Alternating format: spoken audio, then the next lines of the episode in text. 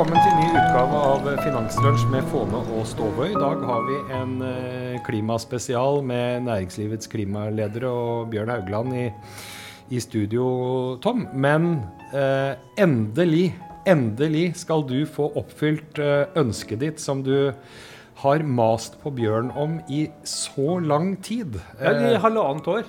For Ja. Jeg er jo en sånn fyr som liksom liker litt kjappe løsninger på problemer. nettopp. Og hvis problemet er at vi har for mye karbon i atmosfæren, ja, så la oss fange det og omdanne det og lagre det et sted. Altså, har vi løst problemet. du, du, har vært har jeg liksom du har vært veldig fascinert av den tanken om at liksom, man kan fange CO2 ut av lufta og så putte det ned i et eller annet høl i bakken eller Ja, Og du har ikke helt fått hodet ditt rundt hvordan det, det skal foregå. Nei, men, eh, men det, det viktige, vet du det er jo eh, sånn Jeg er jo for enkel til å skjønne dette her. Men, men jeg har jo skjønt at norsk industri har putta en del penger inn i det. Staten har putta en del penger inn i det. Her kan Norge være et foregangsland. Men så er det jo sånn at man må skjønne litt av hva dette karbonkretsløpet er, før man liksom kan begynne å snakke om teknologien for hvordan vi kan fjerne det som ikke skal være der. Og vi sitter jo her nå Jan Erik, og er ganske starstruck. Ja, vi er jo det, ikke sant? For, fordi Bjørn han først eh, gjør noe, så gjør han det jo skikkelig. Og for at du, Tom, skal, skal skjønne dette her, så har han altså da tatt med seg en av Norges desidert flinkeste formidlere og kompetente mennesker på, på dette området. Så dette er julegaven til eh, deg fra, fra Bjørn, eh, Tom. Hjertelig takk for julegaven, Bjørn. Eh, du får lov da å pakke den opp på mine vegne. Hvem er det du har tatt med deg i studio? Ja, altså Før jeg eh, avdekker på en måte det, så vil jeg jo si at du er jo for kjappe løsninger. Men altså det, julegaven den kommer i desember, altså. Ja, ja. Så jeg måtte holde, holde litt igjen. Eh, men, men, eh, men det å forstå eh, CCS, eh, det å forstå karbonlagring, det må bygge på en videre forståelse. og Derfor så har vi på en måte hentet frem Storsleggen, en, en verdensstjerne. eh, Og jeg er veldig glad for å ha professor Dag Hessen med i studiet, eh, om, eh, studiet vårt her i dag. Det er, er, eh, han er tilknyttet eh, klimalederne og din organisasjon, eller? Ja, ja. altså i, i, Skift så har vi noe vi kaller kunnskapspartnere. Eh, og Der har vi med de store breddeuniversitetene. Universitetet i Oslo, NTNU, Tromsø, NMBU. Og de hjelper oss fordi at vi er så opptatt av at alt vi gjør skal være basert på, på kunnskap. Og, og Derfor så er Dag, som da er tilknyttet Universitetet i Oslo, en viktig ressurs for, for oss. Og også deltatt og, og delt sine tanker også til, til CEO-ene tidligere i år. Ja, velkommen i studio, Dag Hessen. Ja, Eh, takk for det. Her ble jo lista lagt veldig høyt. Den ble jo det. Du får, prestasjons, får prestasjonsangst nå. Men du, i, du er jo kjent fra TV og radio og, og kanaler og medier som er større enn eh, denne Finanslunsj-podkasten vår, så det tror jeg skal gå, gå veldig bra. Eh, først, men, men først da, så må vi jo gratulere deg. Eh, forrige uke så fikk du altså to Bragepriser. Altså det er en norsk, veldig høythengende litteraturpriser. Du fikk både en saksprosapris og en hederspris. Gratulerer. Ja, tusen takk. Ja, hadde jeg vært i idrettens verden, så hadde jeg sagt det. Det er helt sjukt, men jeg får jeg jeg er overvelda, da. Og da kan jeg si hva følte du da? Ja. Nei, men det var, var overraskende, og, for å si det mildt, og spesielt den eh, hedersprisen, da, som jeg ikke engang visste om. Men, men det er jo mye utdelt pga. tematikk som vi skal snakke om i dag. Altså. Ja, fordi, men du får den fordi at du er en gudbenådd formidler. Ikke sant? Ja, og, det, og det sto i juryens begrunnelse. Det var det det handlet om. Og det kan jo vi bekrefte, og det er derfor du er her. Og vi tenkte I og med at det er Tom Stovi som skal på, på, lærer, eh, på skolebenken i dag, eh, så må vi ha en av Norges beste formidlere til å klare å få, få, få han til å skjønne dette her med CO2 og lagring og den type ting. For, fortell litt om eh, hva er det man liksom er ute etter? Ja, altså kanskje for å starte med begynnelsen, så er jo eh, karbonlageret i atmosfæren egentlig ganske lite. Så det skal ikke så veldig mye til før eh, det øker.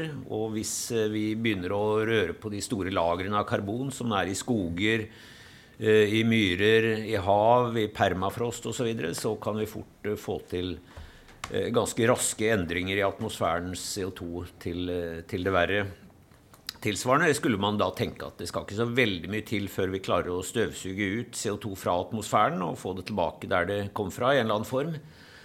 Eh, men det er jo lettere sagt enn gjort. Altså. Det figurerer mange fantasifulle løsninger og quick fixes der ute som stort sett har det til felles at de ikke virker, eller medfører andre problemer. Så det er per i dag, vil jeg si, to realistiske løsninger. Den mest realistiske er jo egentlig å bruke naturen selv, altså skoger, da, til å ta opp CO2. Men eh, samtidig ønsker vi ikke å plante til all verdens åpent landskap med skog. Så det er ikke noe helt quick fix, det heller. Pluss at det gjør landskapet mørkere og dermed fanger mer varme. Så det er et komplekst eh, stykke, dette. Og det andre er jo den teknologiske løsningen, da, som, eh, som går ut på å binde karbon. Og som ikke det er det jeg kan mest om, men det er jo på en måte å etterligne mye av det som naturen gjør selv. Da, for det foregår jo en storstilt karbonbinding også geologisk eh, der ute, men eh, på en veldig veldig langsom tidsskala. Men du, sier- du- Du sier at øh, det, skal, altså det er ikke så mye karbon i atmosfæren. Uh, mesteparten av, hvordan er forholdet mellom det som er bundet på jorda, Vi og det som er i likt, altså, atmosfæren? Ja, det spørs hva du regner med, men altså det er jo mer karbon bundet i skoger f.eks. Mye mer enn det som er i atmosfæren. Det er veldig mye mer bundet i jord, og ekstremt mye mer i hav. Selv om det meste av det som er i havet, ligger jo for så vidt eh, dypt der nede da, og er eh, på et tidsskala som er interessant for oss, ute av kretsløpet. Og det aller største lageret er jo bundet i, eh, i fjell og stein. Og den forrige gangen eh, planeten virkelig var inne i en ekstrem varmeperiode for ca. 55 millioner år siden, så var det antagelig fordi svære vulkanutbrudd kokte mye CO2 ut av steinen regelrett. Altså, så det ble en massiv økning av CO2. Nettopp. Så, men poenget er altså at eh, vi skal ikke flytte så veldig mye av det som i dag er lagra i skog, eh, permafrost, eh, myr, eh, eller for så vidt hav, opp i atmosfæren før det gir en merkbar effekt. Og da, og da er det det du skriver om som heter vippepunktet, hvor det liksom ikke er noe turning back. Ja. Hvis uh, atmosfæren tar opp for mye Kan kan ikke du bare liksom, ta den, så vi skjønner det alle sammen, og slå fast en gang for alle hva som egentlig er vår utfordring her? Ja, utfordringen er altså for så vidt Før vi kommer til vippepunktet, så har vi disse farlige tilbakekoblingene. Altså Jeg leder et senter som heter Senter for biogeokjemi og antropocen. Og bak det komplekse navnet er da en, en rekke forskere fra ulike felt som jobber med atmosfærekjemi, eh, klimamodeller, eh, forstå jord, permafrost, eh, biologiske responser, for å forstå disse mulige tilbakekoblingene. Og Det er der også begrunnelsen for dette 1,5- eller 2-gradersmålet, som jo i og for seg ikke er noe mål, men en grense vi helst ikke bør overstige.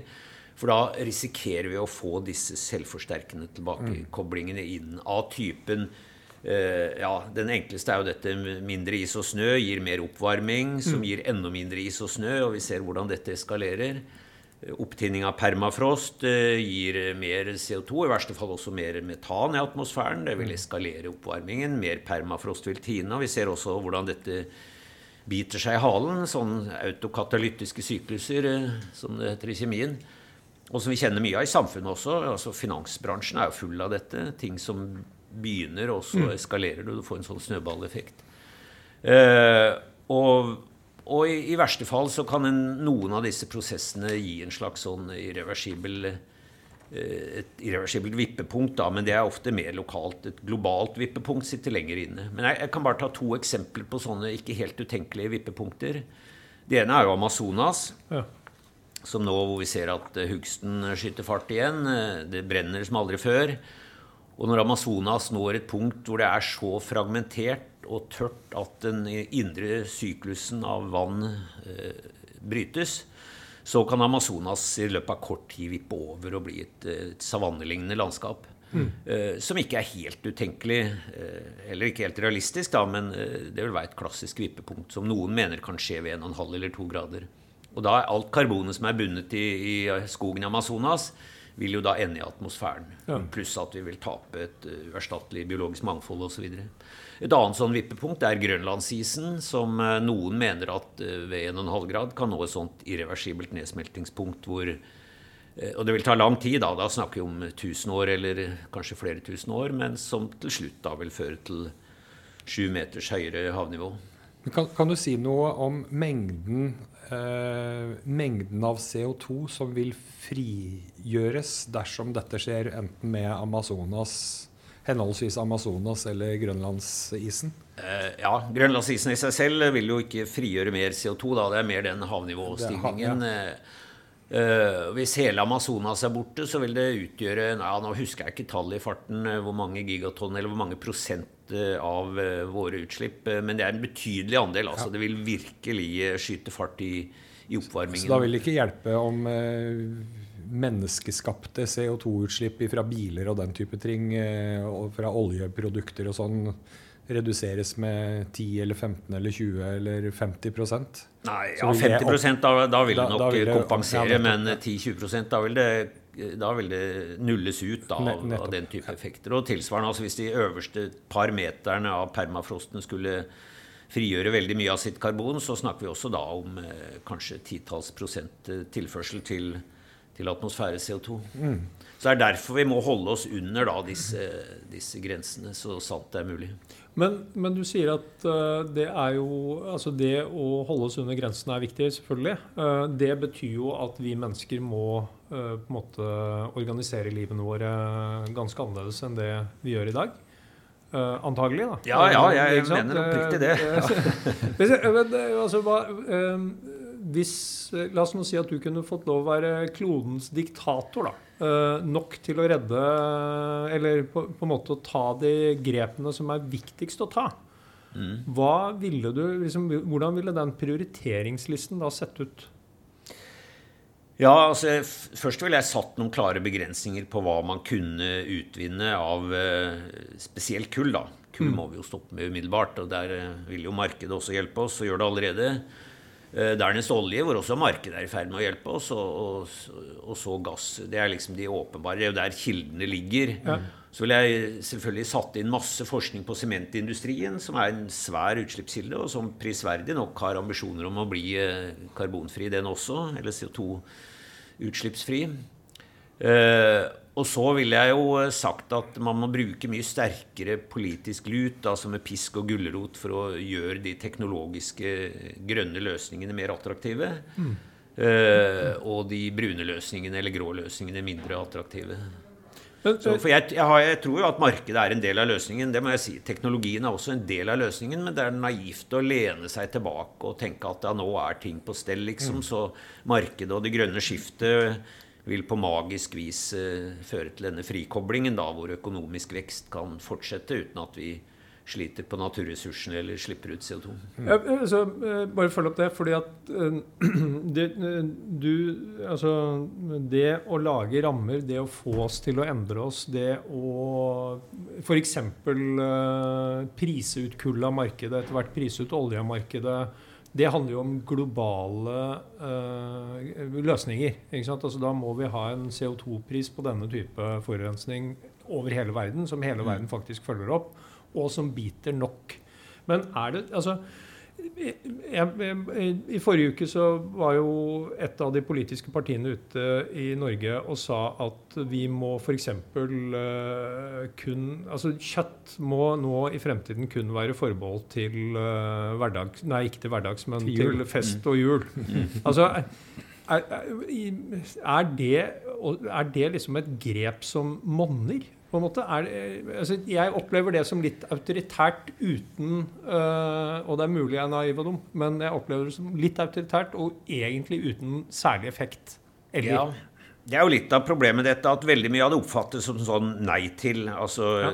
nei til framtiden, så å si. Og mange oppfatter at dette også dreier seg om å gå tilbake til en eller annen kjip uh, forhistorie hvor vi skal sitte og fryse og, og ha det rett og slett litt stusslig. Og, og det er klart, det har ikke appell. Eh, sånn at det er viktig å selge inn dette, som det heter, morgendagen med, eh, med appell. Og det vi må få fram, er jo at uh, uansett må vi over til en annen hverdag. Det tror jeg alle er enige om. altså ja, ja. Den virkelighetsbeskrivelsen vi står overfor, er de fleste i dag stort sett enige om. Og så er spørsmålet hvordan vi skal komme til denne nye framtiden. Og det er mange svar på det. Men det må altså være en fortelling om en, en kul, gjerne teknologisk basert framtid, og ikke en reversering, selvfølgelig.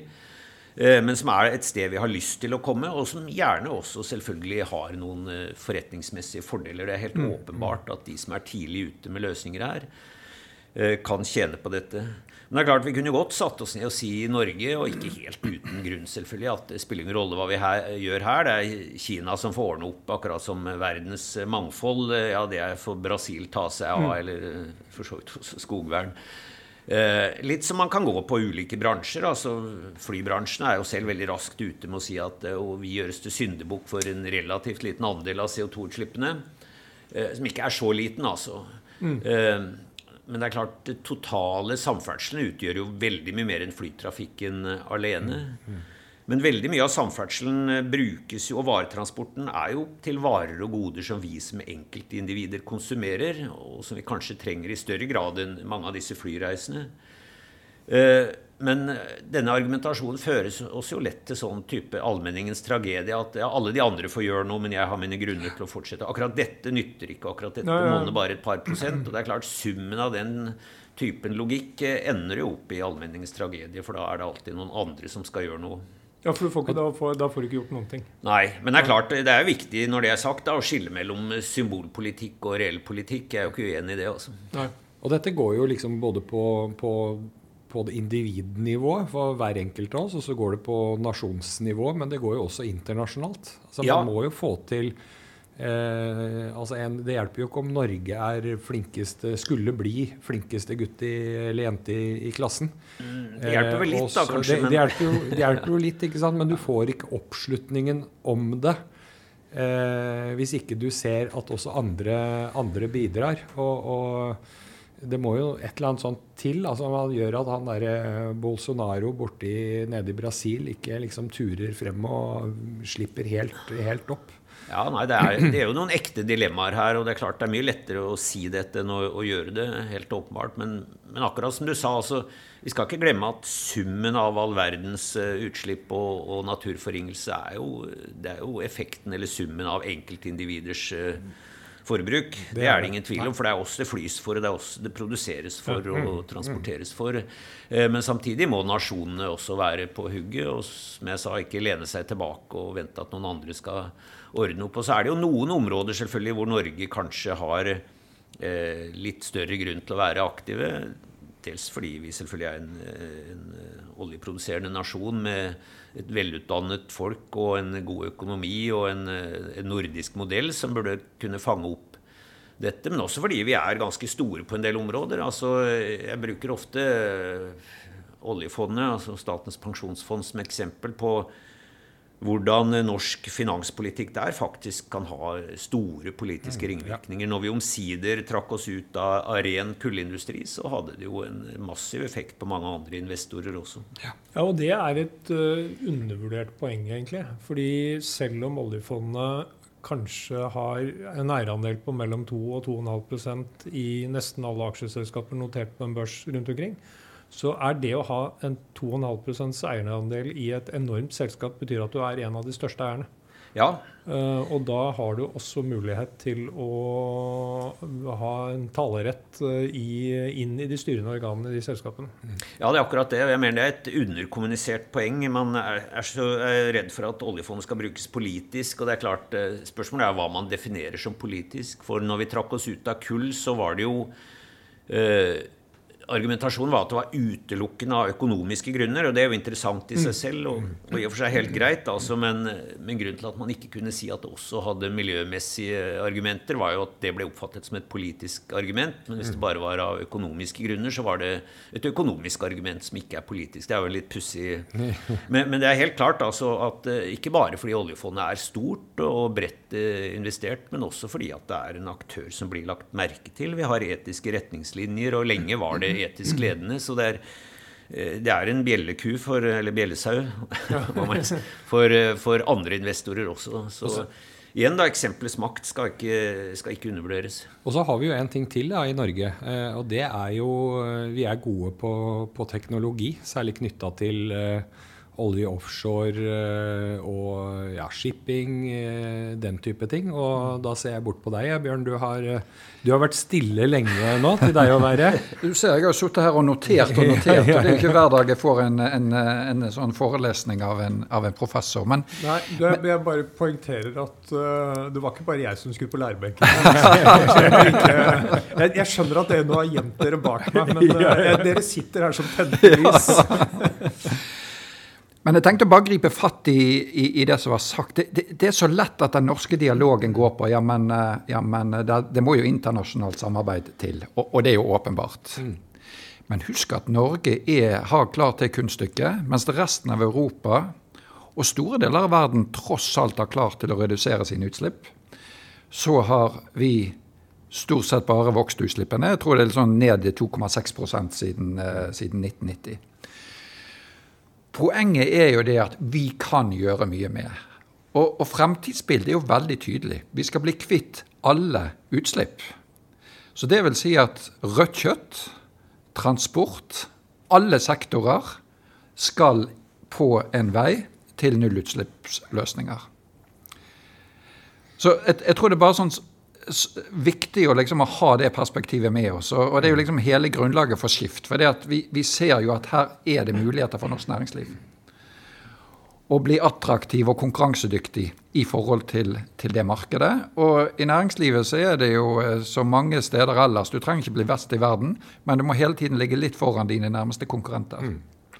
Og det å bygge den konkurransekraften er det vi på en måte ønsker å få, få Norge til å få øynene opp for. At uh, det, det, er her det ligger. Og, og, da er vi inne på CO2-fangst og -lagring. ikke sant? For jo bedre Hvis vi får det i gang, og jo bedre vi blir på det, og jo større skala det kan skje i, jo kjappere kommer vi til netto null, eh, null utslipp her, ikke sant? Jo, og det er jo altså litt tilbake til det som Bjørn sa. altså Rammene her er for så vidt gitt. Vi vet at uh, med utslippene som var i, i hvert fall i 2019 I år er de jo litt grann lavere, da. De blir vel kanskje 5-8% i beste fall lavere enn uh, enn året før. Men det er jo en nedgang som må fortsette hvert år i de kommende tiår. Det er jo et mm. poeng som er, er, viktig å ta. Men, og, og, mye av det skyldes koronasituasjonen. Ja, det er jo det. Det er jo det som er årsaken til det. Og vi får jo håpe at vi ikke får en korona ny pandemi Nei, hvert eneste år for å klare den nedgangen i CO2. Håpe, men, men, nedgangen vi har i år, selv om den er pga. korona, den må fortsette hvert mm. år. Så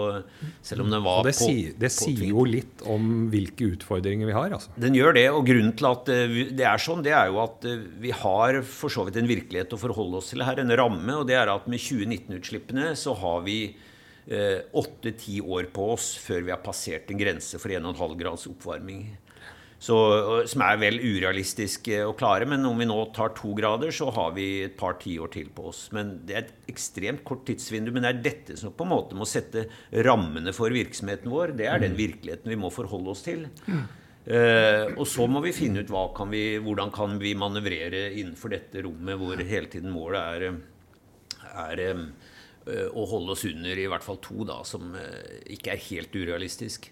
Eh, men da må vi nok også etter hvert få negativ CO2-balanse. Altså binde mer CO2 enn vi eh, slipper ut. Og som jeg sa, det er jo to måter å gjøre det på. Det ene er eh, karbonbinding. Og det andre er at naturen gjør den karbonbindingen for oss gjennom skog. Så skog kan nok være en del av løsningen, men jeg vil jo sterkt advare mot å plante til store deler av landet med, med mørk granskog f.eks. Det tror jeg de fleste vil betakke seg for. Og da er jo spørsmålet selv om den åpenbare løsningen er at vi må kutte utslippene, det er jo der vi må starte, men samtidig må vi gjøre andre ting. Og da er jo spørsmålet om vi også kan fange karbon da, på en måte som også gir oss et konkurransemessig fortrinn. Mm. Ja, og der eh, er det jo flere av dine medlemsbedrifter som faktisk jobber. Og mm. eh, man jobber sammen med norske myndigheter. Eh, og, og, det er, er vel jeg må jo si at uh, Norge har tjent seg ekstremt rike på å være en del av problemet. Det er vel helt naturlig at Norge også er en del av løsningen for å løse dette gjennom å investere ganske kraftig i nettopp uh, negative karbonutslipp, uh, karbonfangst og -lagring. Ja, altså det, det er jo uh, åpenbart. Uh, Fordi det er, det, er, det er, jo ikke tenkelig at det liksom er veldig lønnsomt sånn, uh, før man har teknologien på, og før utslipp faktisk koster så mye at noen er villig til å kjøpe den teknologien. Spørs hvordan vi regner lønnsomhet. Men altså, jo, jeg, jeg, skjønner jo, godt hva du altså, mener. I ja. regnskapsmessige økonomiske termer kun. var det. Ja, ja. Og, og, dette er jo, det er jo ikke noe sånn hokus pokus. altså Teknologiene eksisterer uh, i dag. Vi har mm. løsninger både for å fange, transportere og lagre CO2. Ja. Utfordringen er at det er veldig dyre tiltak. Mm. Uh, og Derfor så er det jo liksom to-tre måter vi nå jobber med. Sant? Det ene er jo å få ned, altså få teknologiutvikling og få skala som gjør at kostnadene kommer ned. Mm.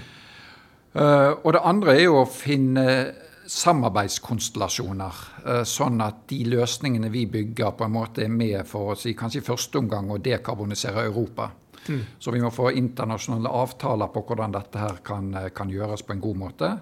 Og sikre oss at vi får partnere utenfor Norge som er med på etter mitt skjønn også investeringen, men, men selvsagt med på denne måten å håndtere karbon på.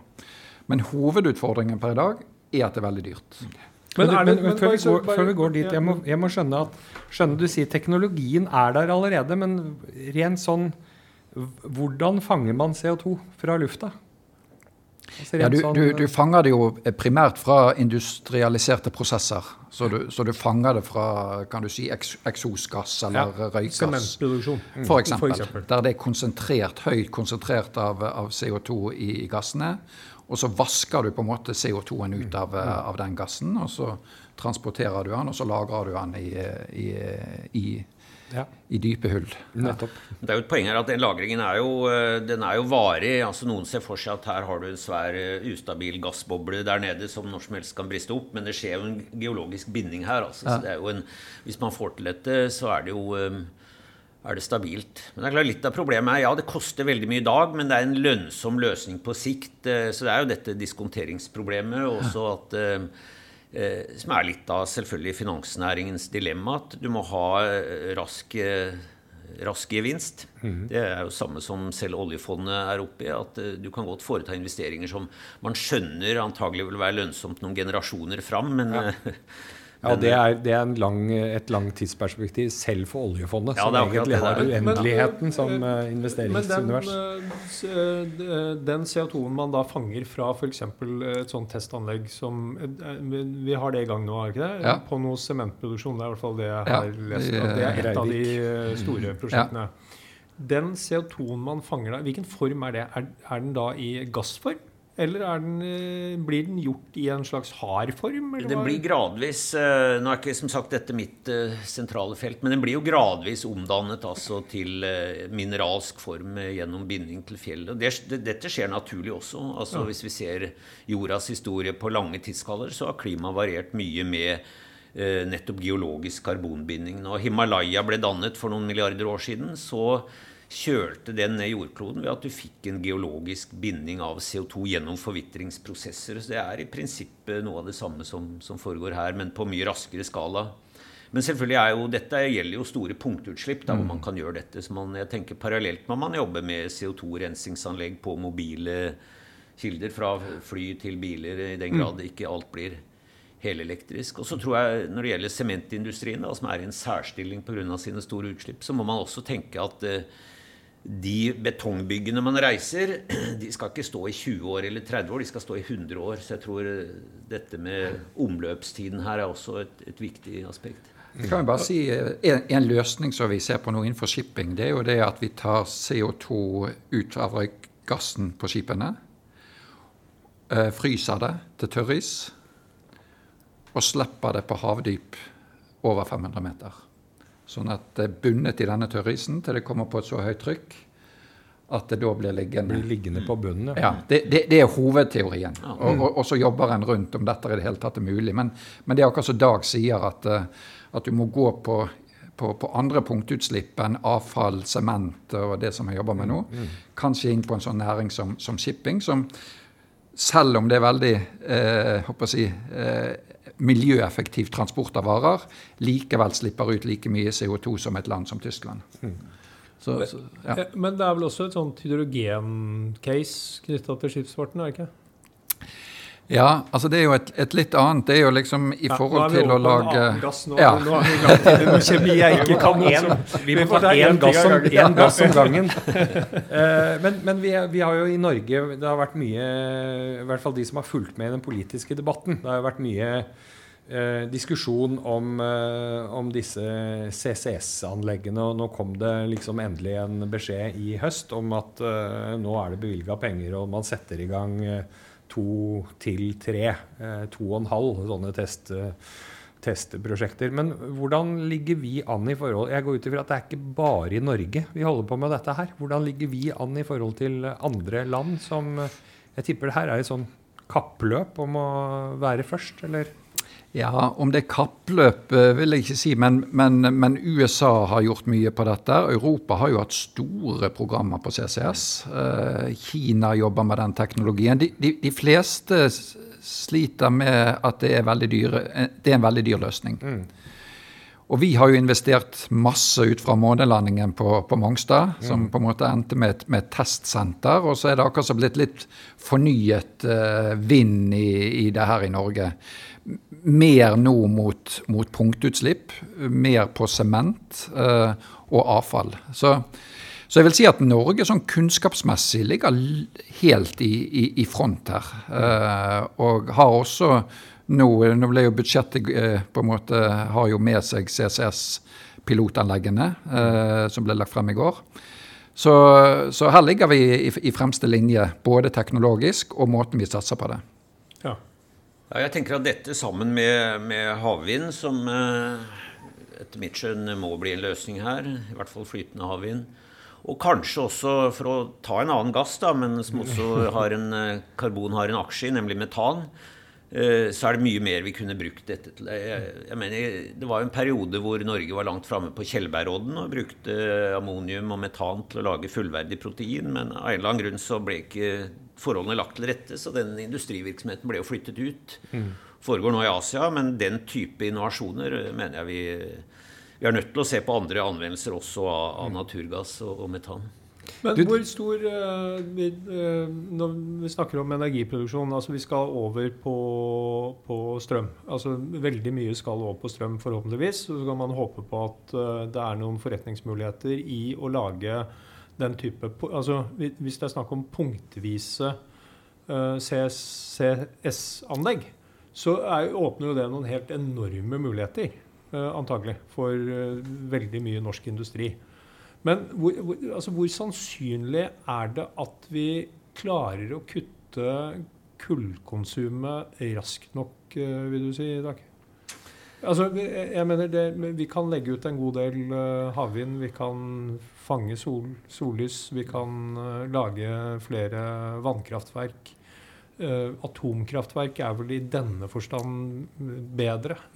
Men hva tenker du om det? Ja, atomkraft kan godt eh, være at eh, det bør trekkes fram igjen, men det er jo ikke gjort over natta heller å bygge et atomkraftverk. eh, Pluss selvfølgelig, alle kjenner jo til, til faren av det. Um, nei, altså her igjen sitter jo Kina, tenker jeg, med nøkkelen. Og Kina har jo enn så lenge 80 eh, av sin energiforsyning fossilt, og det meste av dette fortsatt kull. Og selv om de nå angivelig investerer mindre i kullkraftverk innenlands, så, så investerer de, bygger de en god del kullkraftverk utenlands. Mm. Smart nok, da, så kommer det ikke på deres, Regnskap, deres nei. regnskap. Men eh, nei, altså jeg mener jo at energiforbruket må ned, og det må vi tenke på i Norge også. Energieffektivisering. Og det er viktig for meg at disse grønne løsningene ikke da blir skalkeskjul for å fortsette med fossil aktivitet, for da, eh, da er jo lite vunnet. Ingenting, egentlig. Så, og det gjelder egentlig alle grønne løsninger. Det må ikke bli istedenfor å gjøre noe med utslippene. Det må jo være i tillegg til. Men, men, men det vi ser på kull, og det som jeg tenker eh, finansbransjen kan være en pådriver for, det er jo det at eh, det er klart disse omstillingene skjer jo når, når økonomien endrer seg. Eh, Så, så det vil si at vi må jo i, liksom hele tiden jobbe for å legge mer og mer pris på forurensning. Eh, og, og gjerne heller tilrettelegge for de løsningene som er nullutslipp. eh, sånn at vi får et raskt opptak av det. Eh, Og da vil du også si at hele business-casen for, for, kull eh, på en måte eh, vil, vil slite. Ja, det, for det handler jo om finansiering. ikke sant? Ja. Da, uh, og nå foregår det en stor debatt over hele Europa om taksonomien. Ja. Hvor, altså for et av problemene her er jo faktisk for meg som investor eller låntaker å vite hva som er grønt og hva som er mm. brunt, og hva som mm. ligger midt imellom. Så Derfor er det jo veldig viktig at man får på plass et system som alle er enige om, som sier at nei, dette er grønt, det er ikke noe å diskutere, dette er brunt, det koster mer. Og, og, og, bare for å si det, det som Dag er litt inne på der, den Taksonomien sier du at, at eh, havvind for oljeproduksjon, det er ikke grønt. Mm. Så det sier EU. Nei, det, det, går ikke inn under en grønn investering. For det på en måte er jo sånn sett litt med på å opprettholde eh, olje og gass. Ja. Mm. Det, det, er jo et tankekors. Altså, jeg var med i politikken for 30 år siden. Og, og da snakka vi om forurenser skal betale. Og vi er jo ikke der ennå. Så du kan jo bli deprimert av, av mindre. For selv om det, skal, eh, Bjørn er veldig opptatt av å heie på, på det positive som skjer. Eh, og liksom ikke dvele ved alt som eh, vi ikke får til. Men man kan jo bli litt eh, eh nedstemt eh, av å se at det, ting ikke går så fort som det burde gå. Nei, jeg tror det er fordi fortsatt er mye av denne miljøslitasjen og klimaeffektene det er eksternaliteter, på en måte. Det, -hmm. det, er noe som kommende generasjoner eller andre skal ta seg av, og så bør ikke vi å betale den reelle prisen. Det skjer jo ting der også. det er klart, Norhaus fikk jo nobelprisen i økonomi for å prøve å balansere kostnadene ved utslipp og kostnadene litt i det samme eh, gate som Stern resonnerte. Men han landet jo da på at den eh, balansetemperaturen lå på tre grader. Eh, som jo er helt åpenbart en vill feilkalkulasjon. Da vil kostnadene ved de klimaendringene vi, vi observerer, vil være helt eh, dramatisk mye høyere enn mm. kostnadene ved, ved omstilling. Ja. Og så er det jo en, en, veldig viktig, tenker jeg også, Vi har jo etter hvert en del prismekanismer og måter å beregne CO2-kostnader, klimakostnader osv. på, mens dette med naturtap er mye vanskeligere. Der er jo EUs eh, e Green Deal eh, for så vidt eh, langt framme. Men grunnen til at vi også må verdsette det, er jo nettopp som jeg starta med å nevne, at her ligger jo veldig mye av verdens karbon lagra. Og skogene er jo også, i hvert fall de nordlige skogene, veldig viktige for opptak av mm. karbon også. Så hvis den type økosystemer forsvinner, så så vil det ha massive konsekvenser. Ja. Men, eh, men, eh, Du sier at det er eksternalitet. Men jeg må jo si, altså, og det, vi har snakket om det før altså, jeg, jeg, merker jo uh, Noen snakker om vær eller klima, men, men, vi går nå inn i en juletid. Uh, og det er jo ingen tvil om at det har blitt mindre snø uh, og mindre vinter, varmere vintre I hvert fall her i Oslo-området. Uh, og man spår jo uh, de neste 20-30 årene at vi halverer antall vinterdager. Jo, som jo er et naturtap av en helt annen verden, spør du meg. Mm. jeg syns det er ubotelig trist. Er det, og det kommer jo nordmenn til å Det er jo virkelig noe som vi nordmenn kommer til å merke på, på kroppen. Vi med hyttene våre som plutselig står der og langrennssesongen er halvert og Ja, for oss dedikerte skiløpere er det jo virkelig tap av livskvalitet. Altså, ja, som, mm. som uh, kanskje ikke kan verdsettes i kroner og øre, men som jeg vil tippe har et folkehelsemessig aspekt. Mm. Og for de som er opptatt av vinterturisme, sant, så er det jo katastrofalt. Ja. Heisanleggene må også stengt, og hyttene og hotellene stenger. Det er jo et nederlag når vi må bygge innendørs uh, vinterhaller i Norge. Altså, det må jeg si. Ja, og, og, og, det er jo grunn til at vi bør legge oss enda lenger frem i skoen i, mm. i så måte. Når vi snakker om 1,5 grad, 2,5 eller 2 grader, så snakker vi om liksom sånne store verdensgjennomsnitt. Uh, men, men, i og med at vi ligger så langt nord, så vil jo enhver oppvarming akselerere her. Ja, ja. Se bare hva som skjer på, på Svalbard. så mm.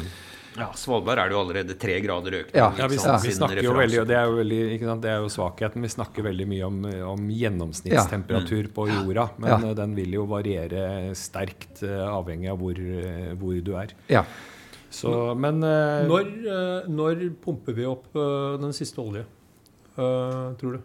Ja, det egentlig Eller bør? Ja, Altså i dag. Vi burde ha gjort i dag. burde egentlig vært i dag, men, hvor, men, hva, eh, hva, hva liksom Men det er klart, Hvilket- alle skjønner at eh, det må en liten grad, en viss grad av omstilling her. Så jeg tror det må skje i takt med at man faser opp eh, aktiviteten på offshore winds og leverandørindustrien osv. for for levelige vilkår. Men eh, ja, jeg vil nå si at ti år må være en maksgrense. Og det å åpne for nye, lete, nye konsesjoner som man gjør nå, det er i hvert fall en, en helt eh, uansvarlig politikk. Ja. Da har vi eh, etablert det. Og dette skal ikke du og jeg være uenige om, Jan Erik. Nei, Det det- har vi ikke noe kunnskap eller kompetanse til å være. Iallfall tusen hjertelig takk til eh, Dag O. Hessen og til Bjørn Haugland, som tok med seg Dag Hessen eh, hit i dag. Jeg syns dette, dette, dette var en fin førjulspresang, eh, Tom. Det var det. Dette var akkurat det jeg hadde håpet på. Jeg tror både vi og lytterne våre har blitt litt klokere når det gjelder dette temaet. Så hjertelig takk til begge to. Eh, og så håper jeg at uh, uh, våre lyttere går inn i, i førjulstiden og tenker litt igjennom dette her, og ser hva man selv kan bidra med når vi nå en gang er igjennom denne koronaen og flyene begynner å gå. og London og New York-helgen synes hyggelig å være på. fristende. Mm. Ja. Så hvis du har um, likte det du hørte nå, så laster du ned podkastene der du normalt laster det ned, og så høres vi Ta gjerne kontakt med oss hvis det er eh, flere gjester. Vi får nå litt eh, gode innspill på hvem vi bør invitere. Ja, Det det er er veldig det er jeg veldig takknemlig for. Og så høres vi igjen. Vi hørs.